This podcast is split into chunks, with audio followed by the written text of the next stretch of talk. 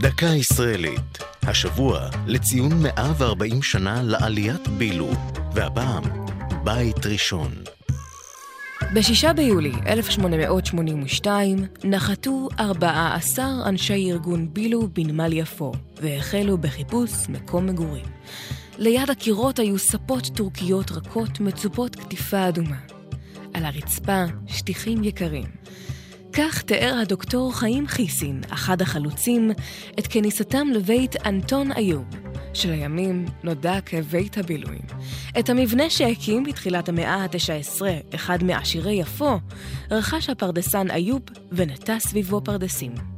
בעזרת זלמן דוד לבונטין, מחלוצי העלייה הראשונה, שכרו חברי בילו שני חדרים בבית הגדול, שכלל מספר אגפים וקומות וכן באר ובריכת הגירה.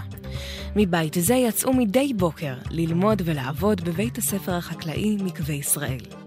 בראשית המאה ה-21, מי שהוחל בהרחבת נתיבי איילון באזור, קרס הקיר הדרומי של המבנה.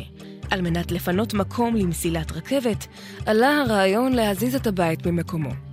אך המועצה לשימור האתרים התנגדה מחשש לקריסת הבית כולו.